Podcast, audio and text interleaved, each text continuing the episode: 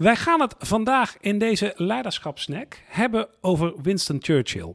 Ehm, en we gaan het natuurlijk hebben over een klein onderdeel van Winston Churchill. Want de man heeft een rijke politieke geschiedenis. Was tijdens de Eerste Wereldoorlog al minister van Marine. Is twee keer premier geweest van uh, Groot-Brittannië. Um, Verenigd Koninkrijk, moet het goed zeggen. Um, hij is een paar keer van partij gewisseld. Er is veel te doen. wij gaan het hebben over wat misschien wel een van zijn meest iconische momenten is. het moment dat um, de Engelsen alleen stonden in de strijd richting Nazi-Duitsland. Um, dus uh, Boudewijn, um, zal, ik, zal ik even heel kort dat wat iedereen denk ik weet toch even schetsen? Hè? Ik bedoel, we hebben het over het moment dat inderdaad nou ja, de nazi's heel West-Europa veroverd hebben. Um, eigenlijk ja, iedereen ziet dat zij de voorbereidingen aan het treffen zijn uh, om ook uh, het laatste democratische bolwerk uh, wat er nog is over te nemen. Um, er is op dat moment nog niet die alliantie die later hè, de geallieerden met, met, met de Amerikanen en de Canadezen en de Australiërs wisten te maken. Engeland, het Verenigd Koninkrijk, stond echt alleen. Um, en dan stond hij natuurlijk voor een uitdaging. En misschien kun jij die ook gewoon wel mooi even voor ons schetsen. Wat is nou de uitdaging die wij hier vandaag bespreken? Ja, ja het was natuurlijk een hele bijzondere uh, uh, moment. Hè? Want uh, begin mei trad Chamberlain af. En trad Churchill aan. En ehm, vervolgens ehm, ja, viel Frankrijk. Ja. Uh, hadden we de troepen in, uh, van, van Engeland die nog, uh, zowel ook nog vochten trouwens in Zeeland zelfs. Ja. ja. In België, in Frankrijk. En moesten ze hals over kop moesten ze zich terugtrekken. en Duitsland stond echt op het punt om ook Engeland gewoon daar overheen te walsen.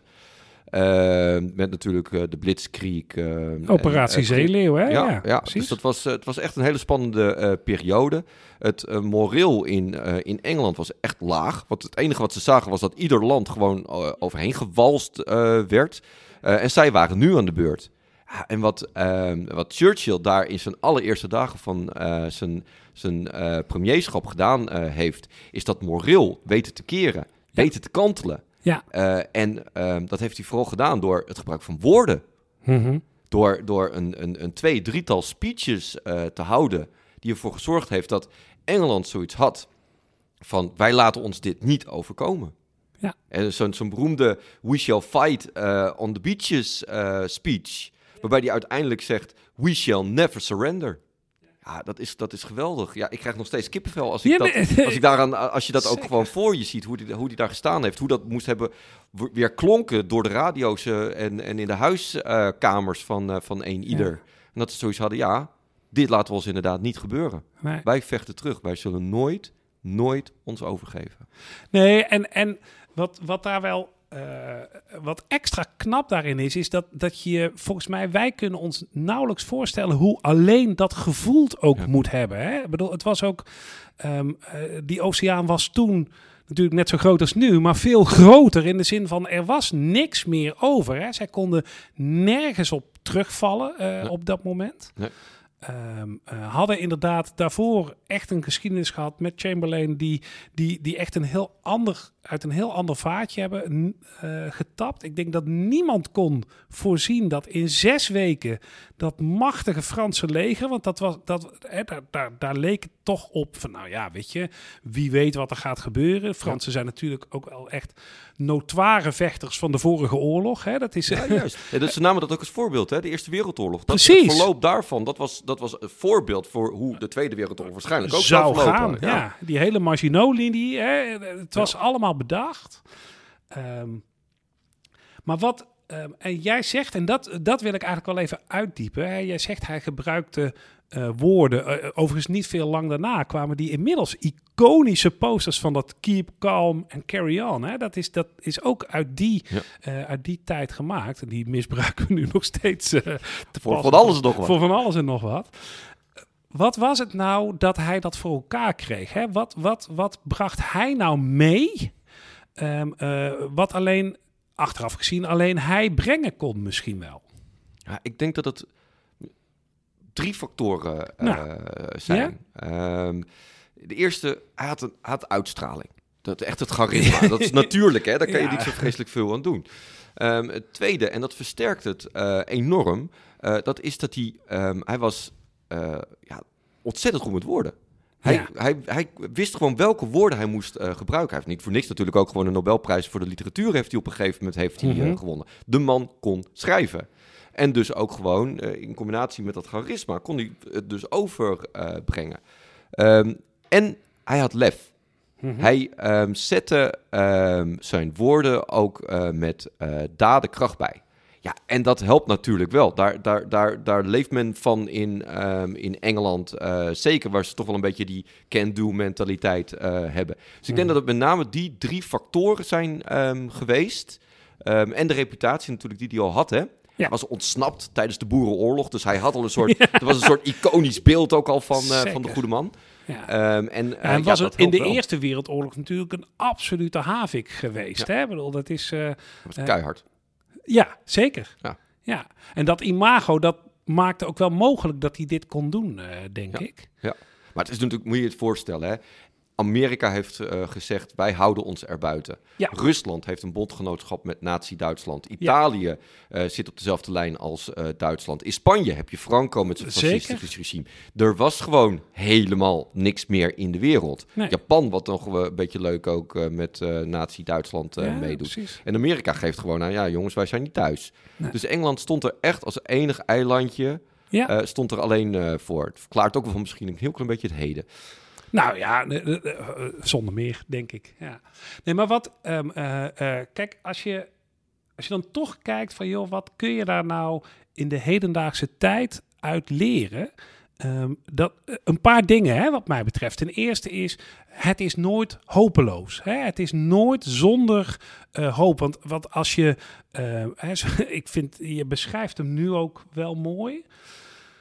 Ehm, als je je een voorstelling probeert te maken van wat er tegenover die Engelsen stond, dan, is, dan was eigenlijk bijna de makkelijkere variant geweest van ja, hè, we, we willen best ons best doen, maar dit, dit, dit gaat het niet meer worden. Ja. Ehm, ik denk dat heel veel mensen dit soort tegenstand eh, en deze situatieschets gewoon soms ook tegenkomen. Hè, en dat wat ze dan ook te doen hebben van ja, de- deze, dit, dit gaat hem niet worden. Ja. Maar dan met, met een, eh, denk ik, een oprechte, maar voor een deel ook geveinsde plaat voor zijn kop die hij had. eh, is hij gewoon gaan zeggen, nou wacht, eh, ja, not without a fight. Hè? Bedoel, wij zullen nooit opgeven, zoals, zoals hij dat dan Ja, dat einddoel, had- dat, dat zette hij ook aan de horizon. Hè? Wij, gaan, wij gaan niet opgeven. En de rest Never was ook surrender. instrumenteel. Dus Ja. We vechten daar, we vechten daar, we gaan het zo doen. Het, maar elke keer voor ogen... Oh, we, desnoods doordrinken wij ons, zeg maar, of doorwaden wij ons door, door massa's bloed. Wij gaan niet overgeven. Maar wat ik dus zo knap vind, en dat, ehm, eh, dat riep hij, maar dat was op dat moment niet het sentiment. Het sentiment was natuurlijk wel, iedereen zag dit. Hè? Natuurlijk was er allemaal minder open informatievoorziening dan toen. Maar mensen zagen echt wel wat er stond te gebeuren. Ik bedoel, eh, in Duinkerken zijn ze maar net weggekomen, die Engelsen. Dat was natuurlijk gewoon bekend in, Ja. in, in den landen. En toch is hier als een soort van, ja, ijzeren hein is hij daar, heeft hij gezegd van nee, maar ik doe dat niet. En toen langzaam begon dat door te druppelen. Eh, en bleef hij het zeggen. Ja. En bleef hij het uitstralen. En kwamen, heeft hij denk ik ook het geluk gehad van een paar eh, eh, succesjes en een paar samenlopen van omstandigheden. Die, die, die vlucht uit Duinkerken was natuurlijk van de Duitsers niet hun meest strategische hoogtijpunt, zullen we maar Nee. zeggen. Hè, we- daar hebben ze echt wel de kans laten lopen om dat Britse leger voor een groot deel. Hetzelfde geldt natuurlijk voor het einde van de Blitzkrieg. Hè? Ik bedoel, Zeker. als, ze- als Duitsland dat nog een eh, aantal eh, dagen, weken had eh, eh, doorgezet... Ja. Ja, dan is het ook maar de vraag of eh, Engeland zich niet uiteindelijk gewoon had, eh, had overgegeven. Dus je hebt gelijk. Ik bedoel, dit, dit hangt niet alleen maar af van datgene wat hij daar geroepen ehm, heeft. Maar als je gewoon kijkt wat het heeft gedaan voor het moreel, voor, eh, onder de Engelsen, is echt enorm geweest. En dat men dus bereid is geweest om al dat leed te verduren, continu die schuilkelders gewoon in te duiken wanneer weer Duitse vliegtuigen kwamen Ja. bombarderen. Ja, dat, dat, dat is echt wel natuurlijk gewoon ja, groot respect. Ja, en eh echt ter afsluiting, het feit dat hij verpersoonlijkte echt dat we will never surrender. En dit is nou het mooie leerpunt, denk ik. Zeker.